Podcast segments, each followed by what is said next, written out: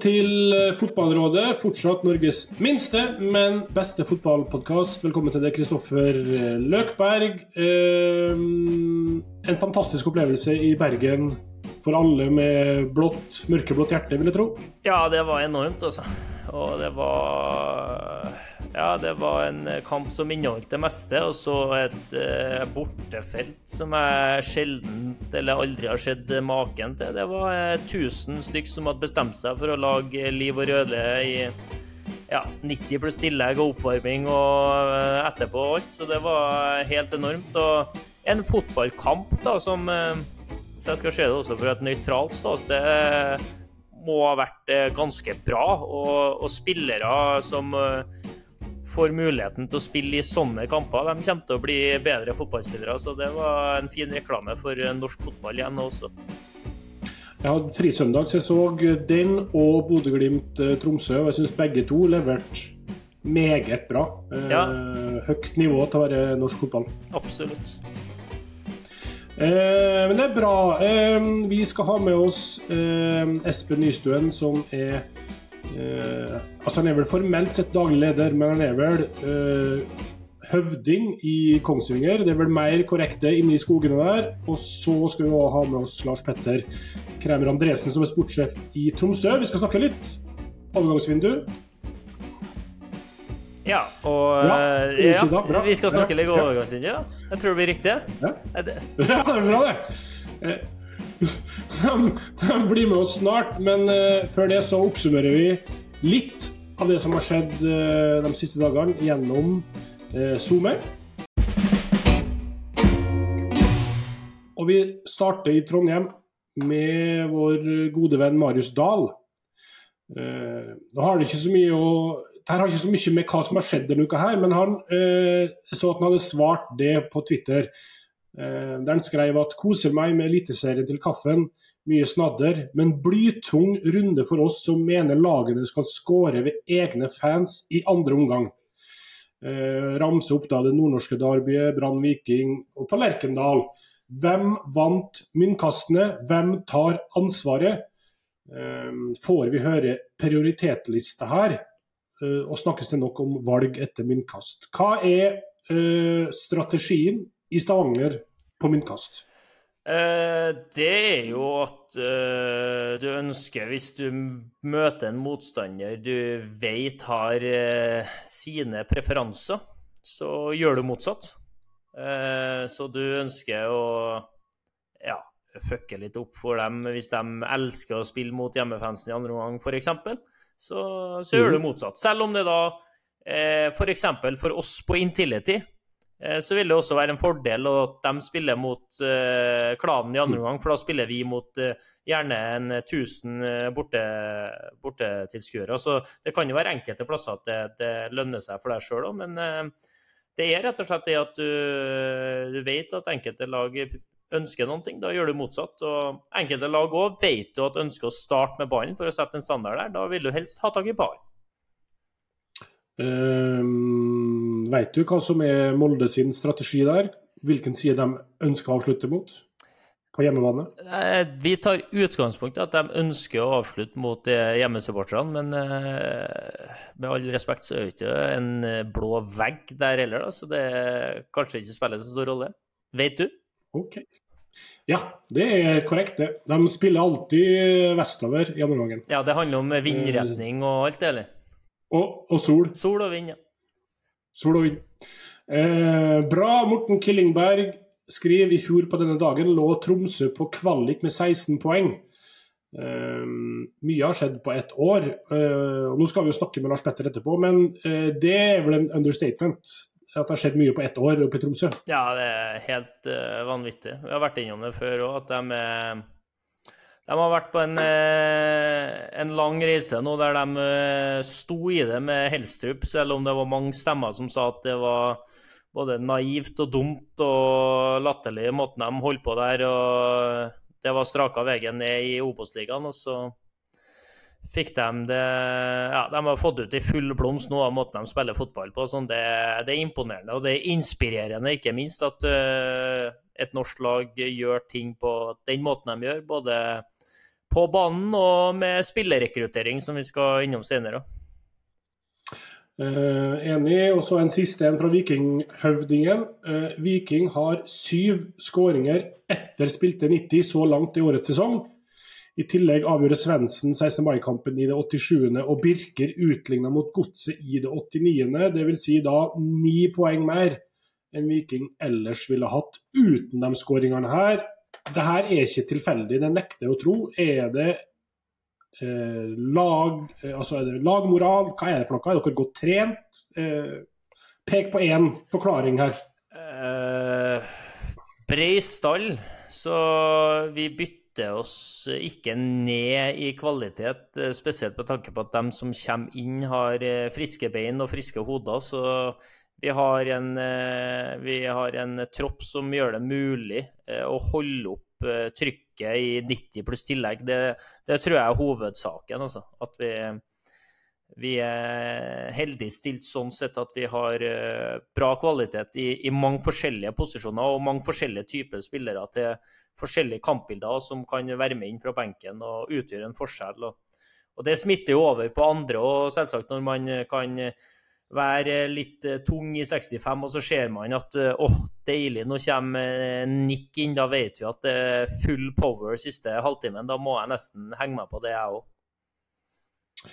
Uh, nei, men Det er fint. Breisdal er godt å ha. Vi uh, skal få inn gjestene våre, og så uh, setter vi søkelyset på overgangsrunde som starta i dag.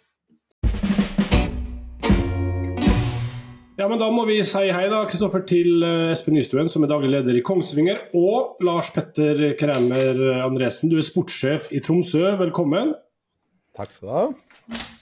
Tusen takk for det. Eh, og han gjesten, eller hen gjesten du fikk nå, Lars, er selvfølgelig veldig stille. Var Helstrup på vei ut døra, ja? Helstrup eh, var plutselig inne her, men uh, han snakker. Ja. Ok. Um, men bra. I dag er det 1. august, uh, og det er jo alle fotballfans sin uh, favorittdag uh, bak 31. august, for det er enda morsommere. Men nå åpner i hvert fall overgangsvinduet, um, så vi tenkte vi skulle høre litt med dere som jobber i bransjen, um, hva det betyr for dere i år. Vi kan starte i Tromsø med at vinduet er i august. For Der har vi fått spørsmål fra folk som lurer på om det er ideelt, eller om det skulle vært andre datoer. Vi starter bare der. Hva ville du ha hatt hvis du kunne bestemme, Lars? Det her er jo en sånn veldig veldig vanskelig sak. for Det er vel noe sånt som at, at eh, vinduet på sommeren ikke kan være noe særlig lengre enn en måned. Men det gir jo noen utfordringer hvis man har hvert fall lyst til å selge til utlandet. Eh, og selge, eh, og De vil jo helst ha spillerne så tidlig som mulig, og gjerne eh, i tidlig juli og når vinduene deres åpner, og så havner man litt sånn mellombar en periode der. Sånn at Ideelt sett så burde jo vinduet på sommeren starta tidligere også, så vi har mer synk med resten av Europa og, og, og sånn. Men så ja, skal vi Akkurat i år så kanskje det nesten har vært en liten sånn fordel for oss. For de klubbene som vi har møtt i det siste, de har solgt unna spillere og ikke fått erstatta de. Eh, så kanskje akkurat nå så har det vært greit. Er det her tilpassa europacupspill? Hvorfor er det 1.8 til 31.8? Det handler vel hovedsakelig om at, at det må, skal avsluttes likt som de andre vinduene eh, avsluttes. De fleste andre vinduene stenger vel rundt eh, 31.8. Og hvis man har bare muligheten til å ha en måned eh, nå på sommeren, så, så sier det seg ja. selv at det må bli litt sånn, da. Hva med dere i Kongsvinger? Det er ikke så mye europacup og sånne ting dere trenger å bry dere med eventuelt, men uh, har det noe å si? for det, Espen? Eh, når på året, eller når på sommeren det vinduet her er? Ja, det For så vidt har det jo det for alle, men eh, det er vel i utgangspunktet så er det jo også sånn at serien skal være halvspilt. Og det gjør det litt vanskelig i Norge. Så jeg syns det er fint i år med at det er 15 kamper sånn cirka. Nå har vel Eliteserien spilt 16 eller 17, avhengig av hvilke lag som du ser på. Så det har jo noe med at du må forberede deg, da. Så det er jo rettferdig. Du har en halv sesong, og så veit du at du kan miste noen. og Da må du være sterk nok til å kunne stå i det. Så jeg syns det funker utmerket, det, som han tenker på sin egen serie. Mm. Eh, hadde det noe å si for dere i fjor, Kristoffer, da dere var i Europa? Nei, vi hadde jo noen caser der som jeg tror kom uansett, spesielt rundt det med Berisha, som uh, sto på som verst akkurat når vi skulle ut i kvalik. Men uh, jeg følte ikke at uh, vi ble uh, svekka på en måte som minska sjansene våre veldig. Det er jo ikke jeg litt enig at den jobben må du være forberedt på å gjøre i, før en sesong, når du vet at du har kvalifisert deg til å få muligheten til å spille Europa neste sesong, så da må du, må du være i forkant. Og, og, nå har vi jo vært heldige, da, enn så lenge i hvert fall, med at vi ikke har mista en som Brekkalo før vinduet er åpent. Så vi har nå fått inn Langås f.eks., som er spilleklar til helga som kommer, og David er fortsatt. Så, men det er motstanderen vi møtte i helga, f.eks. Brann, de har stått på, stått på andre sida der de har mista noe viktig og ikke får folk spilleklare igjen før, før neste. Så der òg, så vi òg møtte dem på et relativt gunstig, gunstig tidspunkt. Ja. Eh, et veldig åpent men litt, og derfor vanskelig spørsmål, Lars. Eh, hvis du på en måte skal beskrive det norske altså det, eh, i Norge, da, det norske spillemarkedet nå, hva vil du si da? Er det, ja, hva ord vil du bruke på det? En er jo at, at uh, noen av disse klubbene, de største klubbene i Norge er tilbake igjen der og har ganske god økonomi. Uh, det påvirker jo uh, overgangsmarkedet veldig om dagen. når Bodø-Glimt kan bruke såpass store summer som de kan bruke, og, og, og gjør det, så, så, gjør det noe selvfølgelig med prisene. Det merker jo vi f.eks. med med bare å se til Obos, som er kanskje sånn primærmarked vi ser i, så, så koster en Obos-spiller mer, og bra mer nå, føler vi, enn, en det gjorde bare for et år eller to år siden. Ehm, og så det, det, er selvfølgelig med og påvirker i, i, stor grad. Og så merkes det jo også at det er flere eh, utenlandske klubber som er litt på norske spillere om dagen. Jeg synes det, er større interesse for norske spillere. Det er mer interessant for klubber med, bra økonomi å, se til Norge om dagen. og eh, Det er også med å påvirke. Det kommer store summer inn, ikke bare til de som er i Europa, men når Lillestrøm nå sannsynligvis skal selge for noen enorme summer, eh, så, så eh, påvirker det selvfølgelig òg. Eh, er dette utelukkende bra for dere, Espen? Det høres jo sånn ut? Ja, det er bra at det kommer penger inn på toppen av pyramiden. Det drysser jo nedover. Så det er veldig fint for alle i norsk fotball. Og så da, får vi håpe at det også kan forplante seg nedover til annendivisjon, sånn at vi kan få en enda mer profesjonalisert annendivisjon også. At Ung kan kunne klare å få ut litt penger av salgene sine. Som igjen gjør at vi i Obos kanskje kan klare å selge våre nestbeste til annendivisjon. Så det tror jeg er positive effekter på sikt. Men eh, riset bak speilet da for eh, enkelte er jo at det her blir veldig dyrt da, å kjøpe norsk. Priser man spillere Ja, Lars? Ja, Vi ser jo det som en, som en utfordring. Altså, vi har et veldig lavt eh, overgangsbudsjett og, og, har ikke så mye å bruke. Så vi ser jo at det er, det er, mer krevende å få tak i de spillerne som vi, ønsker, som vi ønsker inn nå fra Norge. Og, og vi har noen ganger nå vi, ønsker, vi, har jo ni utenlandske spillere i stallen vår, og det er jo ikke noe vi egentlig ønsker å ha. Vi skulle gjerne hatt enda flere norske, men, men det blir jo litt sånn når, når en norsk spiller koster såpass, så, så må vi oftere se eh, litt sånn ut av landet. Men, men, eh, men, så ønsker vi å komme dit også. Det er ikke sånn at jeg sier at uh, jeg skulle ønske at prisene bare gikk nedover. For det er godt for norsk fotball at, at, det her øker. Men vi må jo klare å komme oss dit at vi faktisk har råd da, til å bruke litt ekstra penger uh, på den Obos-ligaspilleren. Eh, og kan legge på en million ekstra eller 500 000 ekstra for å faktisk få tak i det, og den klubben nyter godt av det igjen eh, senere. Men vi er jo ikke der akkurat nå, så for oss er jo det krevende. Eh, et konkret eksempel, Espen, litt tankeeksperiment. Dere har en spiller som heter Fredrik Holmé, vært veldig god i år. Hvis han hadde hatt tilsvarende sesong i fjor, ville prisen på han vært lavere i fjor enn hva den eventuelt er i år?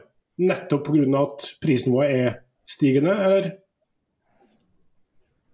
Uh, Fredrik er jo ja, et, ja, tenkt eksempel, da, som du sier. Men det er jo sånn, jeg merka det. vi er jo, Både Lars Petter og jeg er jo en del av en sånn plattform for sportsdirektører i Europa som heter Transroom. Uh, og det er jo uh, mindre enn et år siden de på en måte begynte å fokusere på at Norge er et veldig underprisa marked, så det er mulig å gjøre gode kjøp der. og det førte, eller det, altså det at utlendinger, og spesielt av Belgia og Nederland, så på Norge som et eh, underprisa marked, gjorde at hun har begynt å fokusere veldig på de unge gutta som vi har, og begynte å kjøpe, og så forplanter det seg nedover. Så Fredrik Holmé, da, som er kanskje den mest spennende stopperen i en av de mest spennende i hvert fall i Norge i dag, eh, 22 år gammel og voldsom fysikk, og kan også håndtere ball.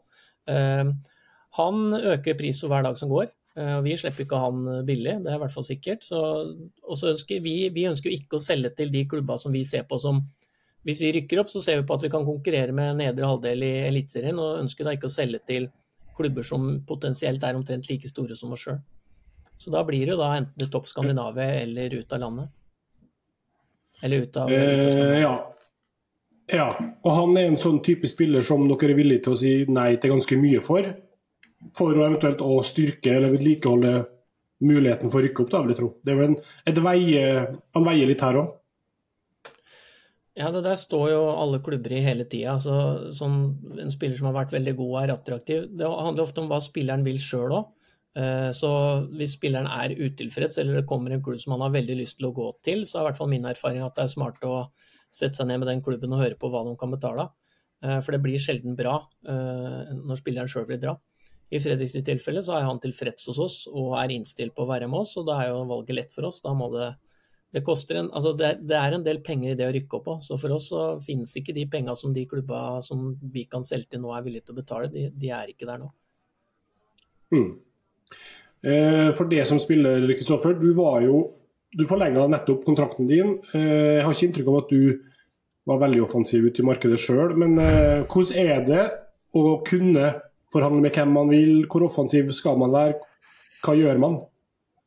Nei, eh, man merker jo at uh, spillere òg er veldig bevisst på at det har kommet mer penger inn i norsk fotball. Og det snakkes jo sammen i, i garderober. Man får jo servert uh, rykter fra omtrent eh, hele Fotball-Norge på, på dem som er bossmannsspillere og nå tenker at nå skal jeg cashe inn skikkelig på at norsk fotball er på vei opp og frem. Da. Spesielt eh, kanskje i form av en, en sign-on-fee som en, en klubb eh, vanligvis ville ha eh, lagt i en overgangssum, tenker man sjøl at eh, man skal fun- kunne få inn på egen hånd. Eh, så, så spillere og også agenter, da, ikke minst, er jo veldig bevisst på å utnytte seg av det her. Så da, da sitter jo kanskje ofte de våre to gjester i en, eh, i en squeeze da, for eh, hvor langt man tøyer strikken i, i, eh, i forskjellige forhandlinger. For det er jo eh, å, å leve livets glade dager akkurat i et vindu der du er på en, en fin bølge og tenker at du skal oppnå noe på kort sikt, kan jo straffe seg veldig hvis du tar noen dumme valg som, som gjør at du rokker ved en lønnsstruktur, eller om du eh, ja, eh, bryter ved noen prinsipper som du har. Da. Eh, så det må være eh, veldig vanskelig også i disse tider å, å balansere den der eh, At du, du må jo faktisk bruke penger for å tjene penger. Eh, for at du skal kunne ta de neste stegene. Det er som å investere og så få avkastning, og så investere på nytt og få ny avkastning. Men eh, det er der du også må gjøre kloke valg på hva er en god investering på både kort og ikke minst eh, lang sikt. Da. Eh, hvordan ser du for deg da, Lars, at dette blir for Tromsø? Dere har jo vært gode på å finne spillere i Obos. Eh, eh, hvordan ser du for deg de vinduene som kommer nå fremover? Vil det endre seg for dere? Jeg syns Kristoffer har noen veldig gode eh, poenger her. Og som, er viktige ting for oss, og, og som vi tenker mye på, er jo akkurat det der med at OK, vi, vi har vunnet noen fotballkamper nå. Vi, vi ligger litt uh, OK opp eh, på tabellen, men, men, vi har fortsatt ikke noe økonomi eh, til å begynne å, å, å, gjøre noen dristige valg. Det vinduet som kommer nå, kommer sannsynligvis ikke til å, til å skje så altfor mye for vår del. og vi, vi, er jo nødt til å måte beholde den lønnsstrukturen som vi har. Eh, vi, vi men vi også er jo helt enige i at, at, vi må på en måte investere litt. Og, og når vi forlenger med spillere som, som har en høy verdi, så, så er forventningene selvfølgelig eh, brukbart til, til, lønninger og sånn. Og, og, skal vi på en måte klare å forlenge disse avtalene og gjøre sånne ting, så, så, må vi kanskje etter hvert også legge mer i potten. Men da er jo vi avhengig av å få et lønnsbudsjett som er høyere enn det vi har i dag. Så jo, skal vi på en måte henge med her, så, så er vi jo vi nødt til å skape oss en bedre økonomi, sånn at, uten at vi skal miste hodet og bli noe helt annet enn det vi det er i dag. Men, men, at vi kan både investere litt mer i de spillerne som, som vi har lyst på, og, og selvfølgelig også gi fortjente lønninger. altså Når du er en spiller som, som presterer topp eliteserie, så hvorfor skal du få mye lavere lønn i Tromsø enn, enn i, i, lignende klubber? Så det, det her er en, en, utfordring som vi står i nå. Og, så, og så, så, så, er det sånn for oss om dagen at vi har ikke noe, har penger til å gjøre noe ekstra akkurat nå. sånn at da, da blir det sånn. Eh, hva vurderinger gjør dere da, Espen? Dere ligger veldig bra på tabellen. Eh, med en god høst så er dere definitivt med i opprykksjaget. Hvor mange sjanser er man villig til å ta, eller hva vurderinger gjør man eventuelt uh, for å styrke stallen fremover?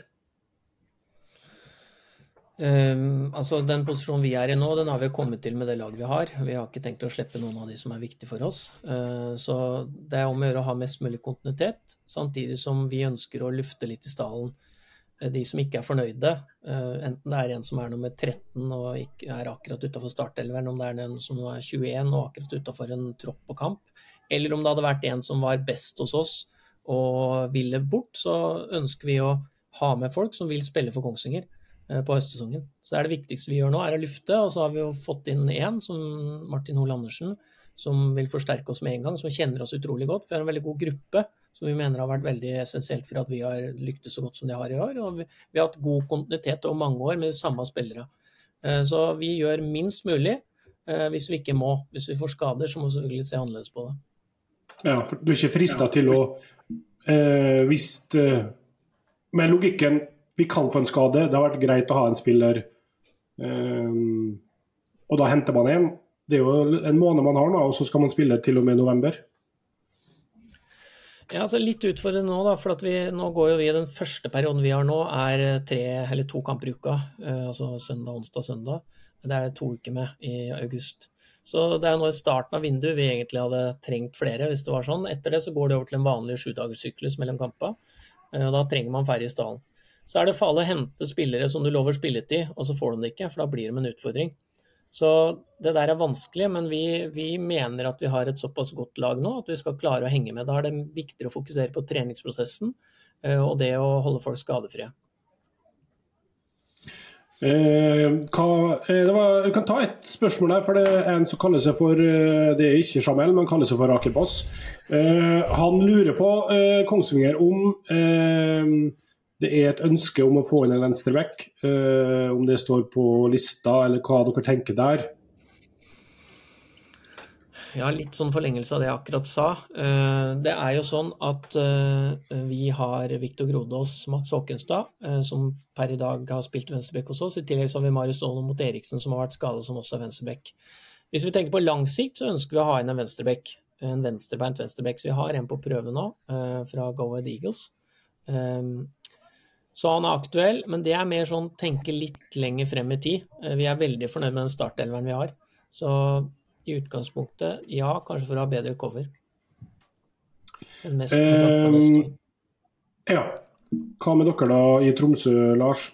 Hva ser du for deg vil være fasit om en måned? Nei, det, Vi er jo er veldig spent på det vinduet som kommer nå. for veldig, Akkurat nå er det veldig rolig begge, begge, veier, egentlig. Altså, litt sånn som Espen snakker om også, at vi, vi veldig fornøyd med den stallen vi har i dag. Den har selvfølgelig prestert eh, veldig veldig godt. Vi har bra dekning. Kanskje det største styrken vår i år er at vi har så bra dekning som vi har. Vi har hatt ganske bra med skader, men, eh, men, men likevel, så når noen går ut her, så, så, har det kommet andre inn som har vært, eh, levert godt. Sånn at vi, vi er, eh, vi er, fornøyd med den dekninga som er i stallen. og Det viktigste vi gjør i det vinduet her nå, er jo å prøve å beholde eh, flest mulig. Men så er ikke det sånn som at eh, det er bare å si at ok, da, vi selger ingen. For vi er, vi, er, en selgende klubb, og skjer det et eller annet og en spiller har veldig lyst til å gå til den klubben, så, så må vi også sette oss ned og se på hva, hva er det vi kan få til her. Og, og, sånn at det, det, det blir jo liksom det, den store greia. Hva, hva skjer med spillere ut? for at hvis ikke det skjer noe med spillere ut, så kommer det til å skje veldig minimalt med spillere inn. Vi har fått Lasse Nordås, som vi er kjempefornøyd eh, med. Og så eh, får vi nå eh, se om det skjer noe andre ting, men i utgangspunktet ikke. Det viktigste Kristoffer, for Tromsø er å beholde Gaute Helstrup, er ikke det? Ja, jeg tror jo jeg tror at de har fått seg en uh, kjempeboost av å få den forlengelsen på, på kontrakten hans. Så Nå er, skal jo aldri si aldri i fotball at ting er lagt død, og det er jo en eh, klubb i Trondheim også, som skal finne ut om hvordan treneren skal etter hvert. eh, Så det blir nok eh, sjeldent eller aldri stilt rundt han. Men det signalet som han sendte ja, omtrent hele Tromsø som fotballby med å signere forlengelse, det tror jeg var meget viktig for, eh, for fortsettelsen til Tromsø. Det er jo ingen tvil om at Gaute er en, en, en, selvfølgelig en, en, helt avgjørende brikke for det vi holder på med her. og Noe av det hovedgrunnen til at vi også hva skal jeg si, lykkes bra med spillelogistikken, er jo at disse spillerne blir bedre. fordi vi henter inn er jo ikke ferdig vare på noen som helst måte. De må jo bli bedre for å, for å, å få det her til. og det, Under Gaute sin ledelse så har utrolig mange blitt veldig veldig mye bedre. Så, så den, den, var selvfølgelig viktig. og jeg jeg er ganske sikker på at det blir ro på det med Gaute nå ut sesongen. Det er vi vel egentlig enige om. Og så får vi jo, tipper jeg at interessen rundt Gaute kommer til å fortsette å være stor eh, fra neste sesong av. Det, ja, det håper jeg jo egentlig, for det, da sier det noe om at hvor bra vi har gjort det. Men den klausulen, så den ble høyere? Ja, den ble bra mye høyere. Så den var viktig, selvfølgelig. Kan du, bekrefte, kan du bekrefte ryktene om at klausulen til Gaute i HamKam at det var lagt på en null for lite fra gamle sportssjefen der, når han signerte kontrakten? Det er det heldigvis ikke jeg som har Men jeg har hørt noen rykter om en sånn historie, jeg også. Men eh, det er ikke jeg som satt i sitt i den forhandlinga den gangen der. Men eh, det, det går noen rykter om det, ja. Så må jeg si da at eh, den, ja, den jobben Tromsø har gjort med spillelogistikken, den er jo mye av nøkkelen til at Gaute også kan lykkes. Det er et team der. Og jeg ser altså Jon Yme Matland og Tore Rismo som er scouter. Det er få klubber som har gjort en så klok investering som det Tromsø har gjort, med å ansette to scouter som er ute og ser, spesielt da i Oslo-fotballen, som dere ser at da Tromsø henter de som kanskje Vålerenga eller andre Oslo-lag eller nærheten av Oslo kunne ha henta. De ender da i Tromsø. Eh, og Det er et veldig godt stykke arbeid. Eh, og Spillere blir bedre når de kommer til Gaute, men det er talenter når de kommer dit òg, og det er godt spotta. Hvor mye eh, samarbeid, om vi skal bruke det ordet, eller informasjonsflyt eh, er det mellom dere klubbene, Espen? Hvor mye er på en måte forretningshemmeligheter, og hvor mye på en måte i hermetegn hjelper man hverandre? Nå er jeg overkant opptatt av åpenhet. Da jeg har vært med såpass lenge i den rollen jeg har nå, at jeg har ikke noe å vinne på å sitte og holde ting hemmelig. Eh, så jeg deler i hvert fall med meg. Jeg opplever at det er ganske mange som gjør det. Det er jo, det er jo også agenter inne i bildet her, som er, mange har også et veldig godt forhold til, som også noen ganger prøver å spille klubba opp mot hverandre. og Da er det veldig fint å ha åpenhet rundt det, så man kan gjøre gode investeringer og ikke bruke mer penger enn det som er nødvendig. Da. Så mm. egentlig så tror jeg man er igjen for å være helt åpne med hverandre hele veien. Uh, bare et, en spole 30 sekunder tilbake igjen til det Kristoffer sa. For vi vet jo at Gaute ordna seg Jim Solbakken som agent, og er det én ting Jim Solbakken er god på, så er det å alltid ha en utvei fra en kontrakt.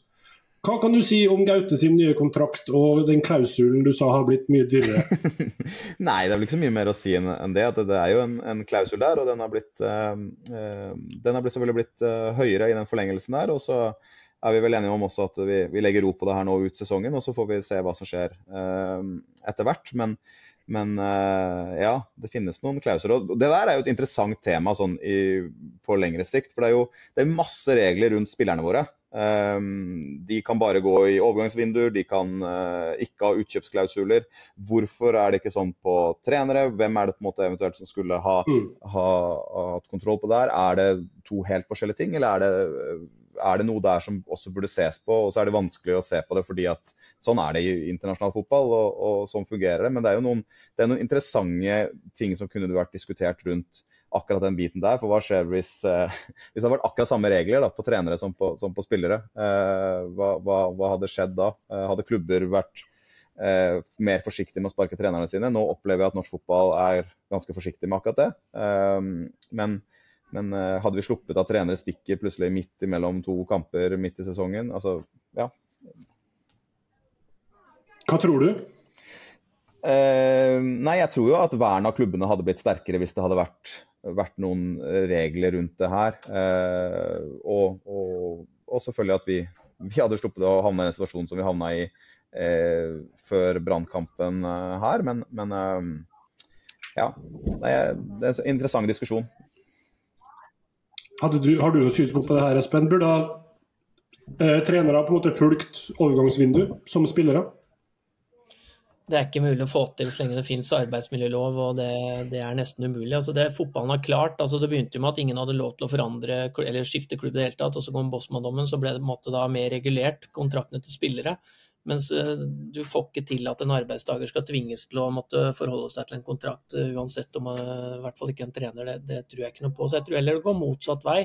At eh, det blir at, spillere, at det kan bli sånn som det er med trenere med spillere etter hvert òg.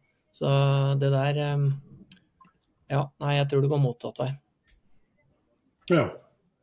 Um, du var så vidt innom det. Uh, dette transfer room, hvor mye kan du fortelle om hva det er for noe? For det har jeg hørt om og vet at norske klubber reiser på og deltar på og er medlem av. Hva er det egentlig?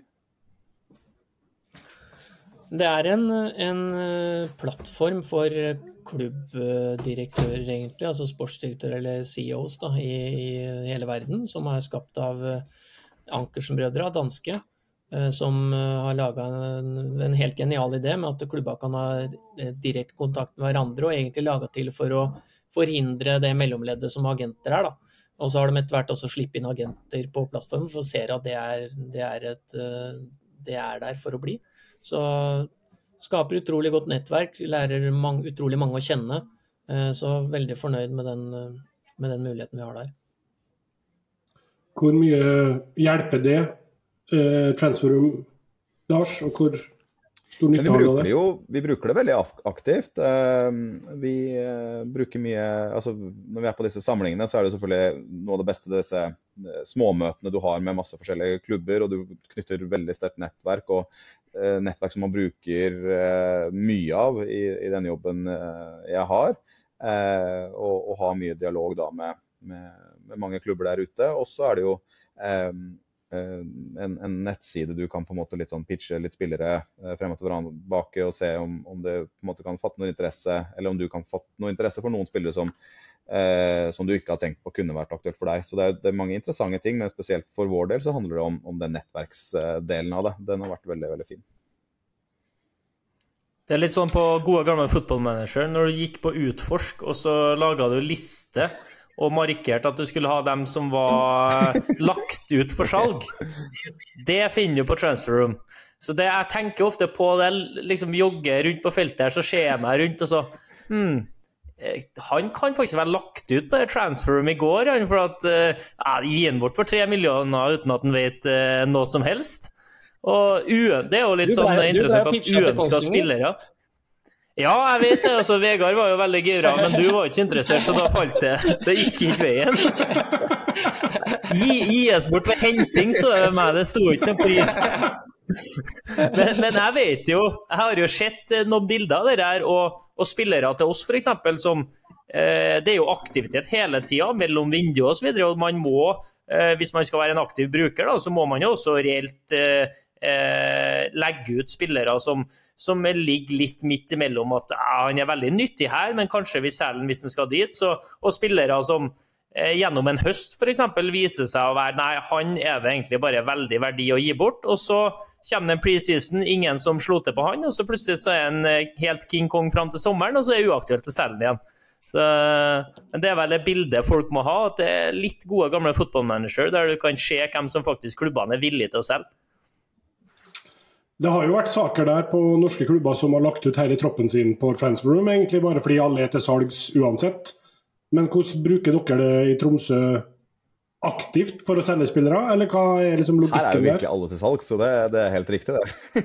ja, det. Så hele vår tropp tror jeg ligger ute på, til, til, salgs, ja. Men uh, helst for så, så høye ja. summer som mulig, da. Men uh, nei, um, som sagt, altså vi, vi uh, Som um, Espen var inne på, så, så, har vi, vi har to scouter, og jeg bruker en til på scouting selv også. Så det er ikke sånn at vi bruker så altfor mye eh, spillere inn eh, derfra. Men vi mottar litt tips, og vi kan sjekke ut spillere hvis det er noen vi har uh, funnet, spesielt utenlandske. Så, så det, men, men, som sagt, det er, det er mye den, den, nettverksbiten. Og så er det selvfølgelig for å prøve å skape litt interesse rundt våre, våre spillere. Eh, det er jo faktisk sånn at nå har det vel vært Det var én scout her i år. Eh, og det var vel én scout her i fjor eh, i Tromsø og så oss. Og stort sett så er alle scouter og ser på Østlandet. og og ser oss når vi spiller der. Så det, det, er ikke så mange som egentlig får med seg hva som skjer eh, her oppe.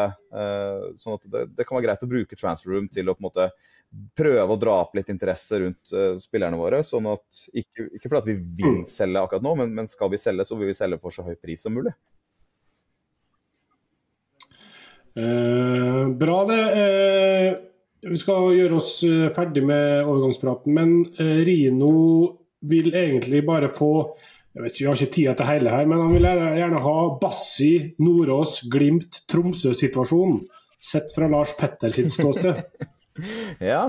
Um, nei, altså det, det, er jo egentlig en sånn grei greie. Han hadde kontrakt med oss ut sesongen i år. Vi ønska veldig å forlenge, og vi tror at det hadde vært bra for alle parter om han hadde eh, forlenga med oss. Så tror jeg fortsatt at han hadde blitt solgt i sommer nå uansett, for det, interessen bare Altså fra liksom at han ikke, ikke, var i nærheten av å starte i, i, vinter, til at han begynte å starte kamper og, og gjorde det veldig bra, så økte interessen helt, eh, helt enormt. Eh, men vi ønska jo å forlenge, og når han ikke gjorde det, så skjønte vi jo etter hvert at eh, ja, det var andre aktuelle ting der. Og så er jo ikke Glimt det vi håper helst han går til, men, men jeg skjønner tanken hans med å, å kunne spille wing. Vi spiller med wingbacker, han har lyst til å spille wing, så det er noe der. Og så opplever jeg at, at det, eh, når ting var som det var Han hadde ikke kontrakt med oss, han hadde bare seks måneder igjen av kontrakten. Vi hadde ikke fått så mye utdanningskompensasjon. Han hadde tvunget han til å bli ut sesongen i år. Så, så, så endte vi opp med en, en, en, bra deal, og vi hadde en god forhandling med, med Glimt. Og jeg hadde noen gode samtaler med Håvard Sakariassen nede på Malta der som, som, gjorde at det her tror jeg ble liksom en, en bra greie for alle. Vi er superfornøyd for Lasse Nordås. Vi tror at han kan egentlig øke i kjempeverdi. sånn at hvis vi får til Lasse Nordås og gjør det vi har gjort med mange andre spillere her nå, så kan jo dette salget være det beste salget vi har gjort. Eh, eller en av de beste salgene vi har gjort eh, på lang, lang tid. sånn at sånn sett så, så, kan det bli bra, men vi skulle jo selvfølgelig ønske at han ga oss bedre kort på hånda i en, i en sånn forhandling som det her, med en lengre kontrakt. og eh, Det tror jeg hadde blitt enda bedre for alle parter, men, men det løste seg egentlig ganske greit. Hvor lenge er det siden dere første gangen prøvde å forlenge? Vi, eh, vi snakka om det her egentlig allerede i fjor, men da var han såpass langt unna spilletid at, at da var det jo ikke noe aktuelt for dem å se på det. Og så fikk vi starta han Rosenborg-kampen, første treningskampen vår eh, i vinter. og da da la vi fram eh, et kontraktsforslag og, og, og, på en måte håpa at, at, han ville forlenge med oss da. Og så var det litt sånn dialog frem og tilbake og, og sånn. Og, flere, flere, nye kontraktforslag. Men det, etter hva jeg skjønte, skjønt, så, så, var det liksom Det handla ikke så mye om penger, det handla mest om det med spilletid og posisjon. og Vi kunne ikke tilby posisjon, vi mm. kunne til de grader tilby spilletid. og Det var det sterkeste kortet vårt i, i det her, men uh, han uh, valgte noe annet. Ok, Bra. Et spørsmål fra Jakob. Det kan du få svare på, Espen. Kan Vegard Erlien ryke for Tromsø allerede i sommer? Nei, det kan ikke jeg svare på. Altså, Nei, det må du kunne svare på! Du må kunne komme med en vurdering av det han har gjort. Kongs, Kongsvinger har i hvert fall lyst på han, så hvis vi kan få han, så tar vi han. Det skjønner jeg. Da prøver vi neste mann, Kristoffer. Ja, eh, absolutt. Eh, ja. Jeg, jeg ville jo, hvis jeg hadde vært en annen klubb, eh, sett potensial i han. og det er jo litt sånn Det tipper jeg jo de andre kan svare eh, enda bedre på. Jeg, jeg føler jo at eh, i og med at øynene mot det norske markedet har eh, blitt eh, altså Det er enda flere øyne på seg, og folk observerer enda tidligere, da, så virker det som at det er en del klubber som også er redd for at de skal virkelig slå ut i full blomst før de henter dem, for da vet de at det kommer enda bedre klubber på banen, som gjør det enda dyrere for dem å hente, sånn at de ikke har sjans. F.eks. en Fofana eh, vil jeg jo tro at det er noen klubber som eh, irriterer seg vilt på at de venta såpass lenge med å prøve å slå til på, sånn at en klubb som Chelsea kunne komme inn i bildet, bildet og kjøpe den. Eh, og det vil jeg jo tro at f.eks. etter et eh, en, en, sommer der Norge har vært med både i U21-mesterskap og U19-mesterskap, så vil det jo kanskje øke i enda større grad. da. Så f.eks. en spiller i Tromsø som, som Hjertø Dahl, som knapt nok har starta kamper ennå, men har fått vist liksom eh, ganske gode bilder på det han kan, og eh, det potensialet han har. Der vil det jo allerede nå være klubber som tenker Tør vi at han skal spille en sesong til i Tromsø, eller skal vi ta han allerede med en gang? Litt det som skjedde med Daniel Karlsbakk til oss. At han visste i fjor fysikken, farta, størrelsen. Han skåret ikke noe i mål. Eh, men da tenker Herrenfen at hvis vi lar han spille fram til sommeren i Viking, så kanskje han skårer de ti-tolv eh, målene og viser sitt kanskje uforløste potensial. I litt for stor grad så har ikke vi sjanse til å hente den, så de slo til allerede på, på vinteren. Så, og Det kan jo være en utfordring for, eh, for eh, klubber at man kjøper, eh, og så får man så vidt vist dem fram, og så kommer ulvene på banen før man har fått skikkelig nytte av dem. Eh, i, i, så, i, stor nok grad. Så den balansegangen mellom å hente en spiller som man vet eh, litt, litt stygt, da. Ikke attraktiv for andre i like stor grad, men bli en stamme av laget. Det kan også være viktig i enkelte vindu å få inn sånne, istedenfor at man eh, bare får sånne som har det videreutviklingspotensialet som kan forsvinne omtrent etter seks måneder. Eh, for å ta han, Hva er strategien med, rundt Jens Hjertedal for å holde Kongsvinger unna? Kan jeg både Jens og Erlien? Ja, nei eh... Ja, det vil jeg tro. Nei, altså, største strategien er jo selvfølgelig eh, lengde på kontrakt. og, og det, Vi kommer til å starte en dialog med han også om, om forlengelse. Han er bare 17 år, så du har bare lov å ha eh, maks tre år eh, på avtale. Men når han blir 18, så, så kan du skrive enda lengre avtaler. Eh, men, men, det viktigste virkemidlet er jo at han opplever at uh, både spilletid og, og, alt som skjer hver eneste dag, uh, gjør at han utvikler seg uh, videre og ser at det her er gode muligheter for å ta nye steg, og ikke bare hoppe på et eller annet som, som du sier, som, som, OK, det høres kult ut, men det er ikke tenkt noe spilletid. Det er, det er, bare tenkt at de skal sikre seg verdien i spilleren, og så skal han prøve å selvfølgelig få han til der, men at han heller får ro på det som skjer. utvikler seg her i et godt miljø og, og får mer og mer spilletid i Eliteserien. Eh, når han har starta et par kamper og gjort det veldig veldig godt, og eh, han, eh, han, kommer til å fortsette å utvikle seg i stor grad. Så en ordentlig spennende spiller for fremtida til de grader, men han har godt av å være her nå. Har, allerede liksom, har du merka bare på liksom de to månedene eller måneden siden han kom inn mot Vålerenga at det har endra seg? I markedet rundt interessen, speidere og snakk? Interesse? Nei, liksom? faktisk, faktisk, ikke. så har det, det har ikke vært så mye. Ja, det har vært ganske rolig. Det, det, er jo helt eh, Jeg syns det er nesten litt sånn merkelig rolig rundt, eh, rundt, mange av spillerne våre. Jeg skulle trodd at det var enda litt mer interesse rundt, rundt flere av de, eh, uten at det trenger å skje så mye. Men det, det oppleves som ganske rolig om dagen. Så, så smeller det vel sikkert i morgen, da. Det gjør det helt sikkert. Hva er strategien på skogene for å erstatte Adam Gyven på et eller annet tidspunkt? Må ikke han òg erstattes på et eller annet tidspunkt, eller er han en evighetsmaskin? Han er evighetsmaskin, men eh, jeg syns Kristoffer har veldig mange gode poenger. Altså, En fotballspiller er som en flaske vin, du må kjøpe når eh, ingen andre veit at vinen er god. Og det er litt av eh, det alle gode klubber som driver god spillelogistikk gjør. Du må prøve å gjøre, gjøre gode kjøp. Så rundt Adam Guven, så tror ikke han er så godt kjøp for mange andre enn oss nå. Eh, men for oss så er han veldig nyttig. Han er viktig, han er en kontinuitetsbærer. Han har skåret over 120 mål for Kiel, og det er en vanvittig prestasjon. Så uh, han, er, han, er, en legende her hos oss. Men der, der lurer jeg oppriktig på, det er ingen som F.eks. si at du, du, har jo en spillertropp på 25 spillere. Man, kan man til sponsorer, samarbeidspartnere, også innad i klubben til økonomiavdelinga, hvis man er så heldig at man har noe penger på bok, da, eh, får man solgt inn eh, på en måte fremtidig verdi på en spiller. da.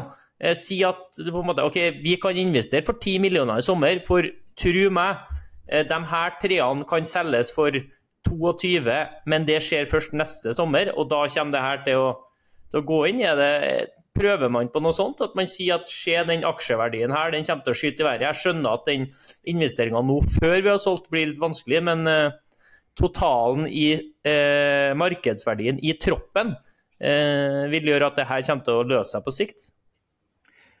Det, det finnes jo sånne investorselskaper og sånn der, som du på en måte gjør noen sånne ting med. da. Vi, vi har ikke vært der nå, men, men det, er en, det, er jo en, ting man kan gjøre. altså man, ok, eh, få med noen folk til å betale noen penger nå for å, for å bruke det vinduet her, og så skal de ha tilbake hvis de her eh, Da må det jo Etter regelverket så må det være eh, at du eier hele, hele stallen, altså du får verdien på hele stallen. Men, men eh, vi, vi hadde opplevd jo litt sånn med Thomas Totland, når det var interesse fra Vålerenga den sommeren ja, for noen år tilbake, eh, og det var aktuelt at han skulle gå, så, så, og vi hadde nesten ikke penger i det hele tatt, så, så holdt vi igjen eh, altså fikk med sponsorer til å gå inn med mer penger eh, rett og slett for å beholde han ut sesongen, så at vi slapp å, slapp å selge. Så vi bruker på en måte det momentumet der til å, til å, få med mer. og Det er jo litt sånn kanskje momentum vi opplever nå også med, med forlengelse av Gaute og, og mer eh, og Vi slo Bodø-Glimt og alt det der, så kan man litt lettere få med folk til å investere for at man skal både beholde og kanskje få inn noe nytt òg, da. Hvordan er det på Kongsvinger? Vi har et investorselskap som eier halve spillerstallen vår. Så det er jo positive, de, og de har vært med så mange år. Så det er akkurat sånn som Kristoffer sier der, som, som, er mulig å få til også hos oss. Så det, ja, det er riktig. Mm. OK, eh, bra. La oss eh, ta det siste her, Kristoffer. Din eh, ukentlige spalte. Eh, løkens løksuppe.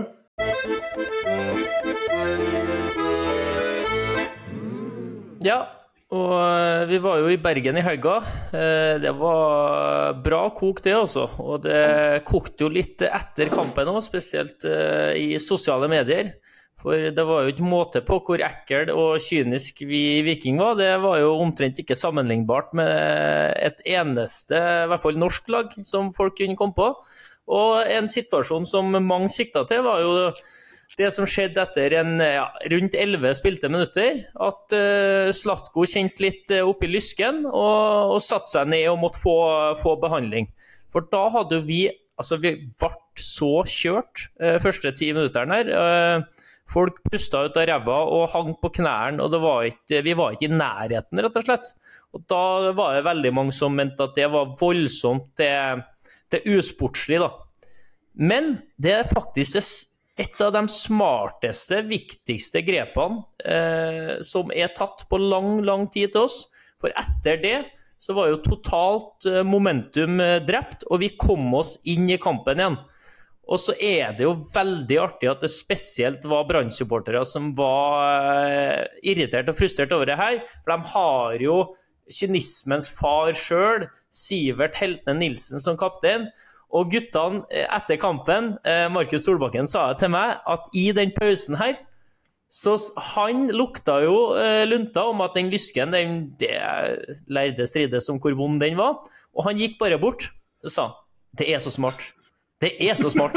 Åh, det, det, er så smart. Så jeg, jeg, skjønner at det kan være frustrerende for dem som ser på, spesielt når det heier på et lag, men så lenge Altså, du må ta noen sånne virkemidler i bruk for å kunne vinne enkelte kamper, spesielt på, på bortebane. Og så får det være opp til dommere og andre som lager regelverk, hvis de ønsker å, å få det der bort. da. Eh, om de skal legge til enda mer tid, sånn at det ikke lønner seg. Eller om jeg så noen foreslå at hvis du må av med en, med en skade, så, så, må du av i så og så mange minutter. Men eh, det er vanskelig for dommeren òg. Kan jo ikke liksom påstå nei, du er ikke skada. Det det går ikke an å si sånn heller. Så nei, noen sånne smutthull i regelverket må vi fortsatt få lov til å finne. Også selv om vi ønsker fair play og alt det der, så handler det om å vinne. Jeg vet ikke om du så kampen, eh, Espen. Eh, og har noen synspunkter på å være litt kynisk i en sånn situasjon? Jo. Jeg elsker det. Det fins ingenting bedre enn å vinne 1-0 ufortjent på bortebane. Det er altså så deilig. Når man merker at man henger i tøva da, drive og gjøre noen tjuvtriks, det elsker vi. Det er helt topp. Så det var nydelig å se. Dere i Tromsø, Lars, dere selvfølgelig driver ikke med sånt? Nei, langt derifra. Nei, men det er jo noe vi, det vi holder på med, er å vinne fotballkamper. Da. Så, så skal man jo ikke, skal ikke være unfair eller noe som helst, men, men, man må jo gjøre de smarte tingene for å, for å få, få, de seierne som man har. Så det, det der er jo, høres jo veldig, veldig fornuftig ut. Eh, ja. Det gjør det. Eh, hadde man noen eh, snakka om akkurat det der før Bodø-kampen nå? Dere har vært der tidligere i eh, cupen, på en smell på overtid. Har man i etterkant snakka om hvordan kunne vi ha beholdt ledelsen, hva kunne vi ha gjort? Eller? Ja, altså det, er jo, det er jo selvfølgelig noen ting Det viktigste for å få bort det der trøkket mot seg, er jo å klare å ta vare på ballen selv. Eh, men det er jo noen ganger perioder at du må bruke litt lengre tid på et innkast eller en dødball. altså Prøve å få puste litt eh, for, å, for å på en måte ta av litt den brodden til motstanderen. For det er jo når det der trøkket kommer over, over, over deg hele tiden. Og som du gjorde på slutten i den cupkampen eh, mot Glimt. Og, og, det ble et sånt enormt trøkk som egentlig følte at liksom både dommeren og, og alle liksom var med på det trøkket der. Så er det jo hvordan klare å på en måte stoppe det. Eh, klarer man å holde på ballen? Klarer man å, å puste litt på noen eh, sånne situasjoner? Eh, er det, er det å, å liksom få drøyd litt tid, det er selvfølgelig en, en, en, viktig del av det, uten at vi har så mye om det. Jeg tror vi snakker mer om, om hvordan vi blir bedre i vårt eget spill og, og klarer faktisk å spille av det trøkket der.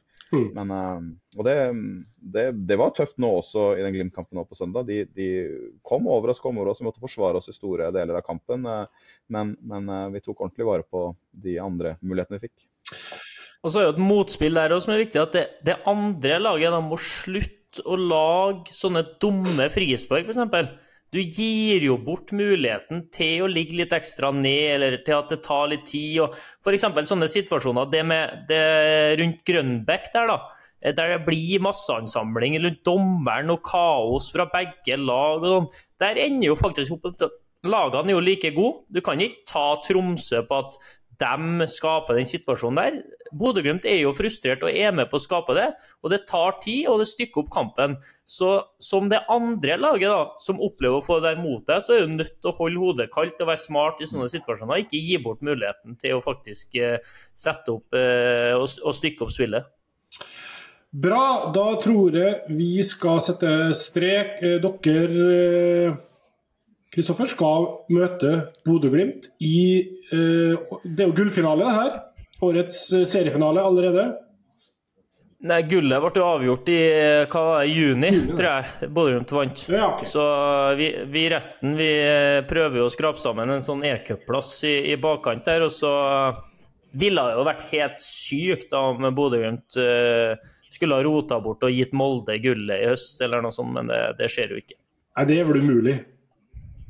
Nei, det kan, det kan ikke gå, nei. Men eh, tenk hvis, da, med de investeringene der, hvis du ikke vinner etter å ha leda med hva leder med 20 poeng, eller? da? Men hva vil du sammenligne med, da? Hvor, hvor stort, stor fallitt vil det være?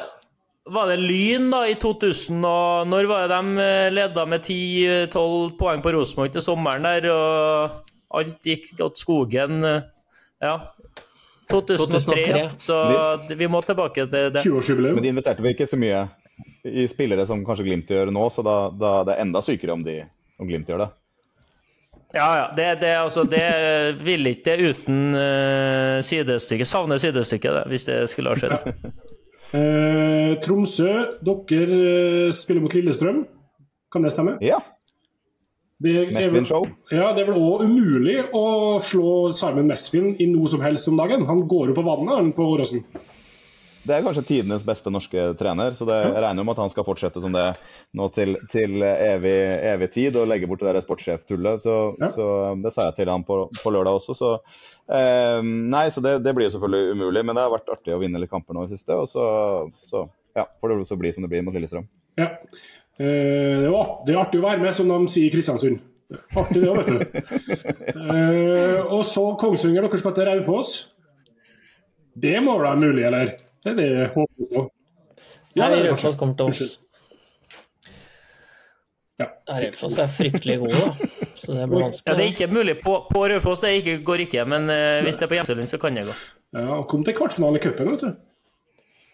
Mm. Ja. Det kan gå, men eh, men OK, bra. Eh, tre lag som er sjanseløse til helga. Eh, det er bare å laste på oddsen mot Tromsø, Viking og Kongsvinger. Og så takker vi eh, Espen og Lars Petter for at dere var med. Takk til det, Kristoffer. Uh, har du noen tanker til neste uke allerede? Nei, altså nå har vi jo snakka med to sportsdirektører om overgangslinja. Kanskje vi skulle ha fått inn en uh, joker eller to som er heit, da. Ja. Uh, altså spillere som er aktuelle for et klubbskifte. Ja. Vegard Elgen og Hjertedal, da, i så fall. Det, det, kan, det kan gå. Ja. Men bra, det. Eh, takk for at dere har hørt på, dere som gjorde det. Og så høres vi igjen om ei uke.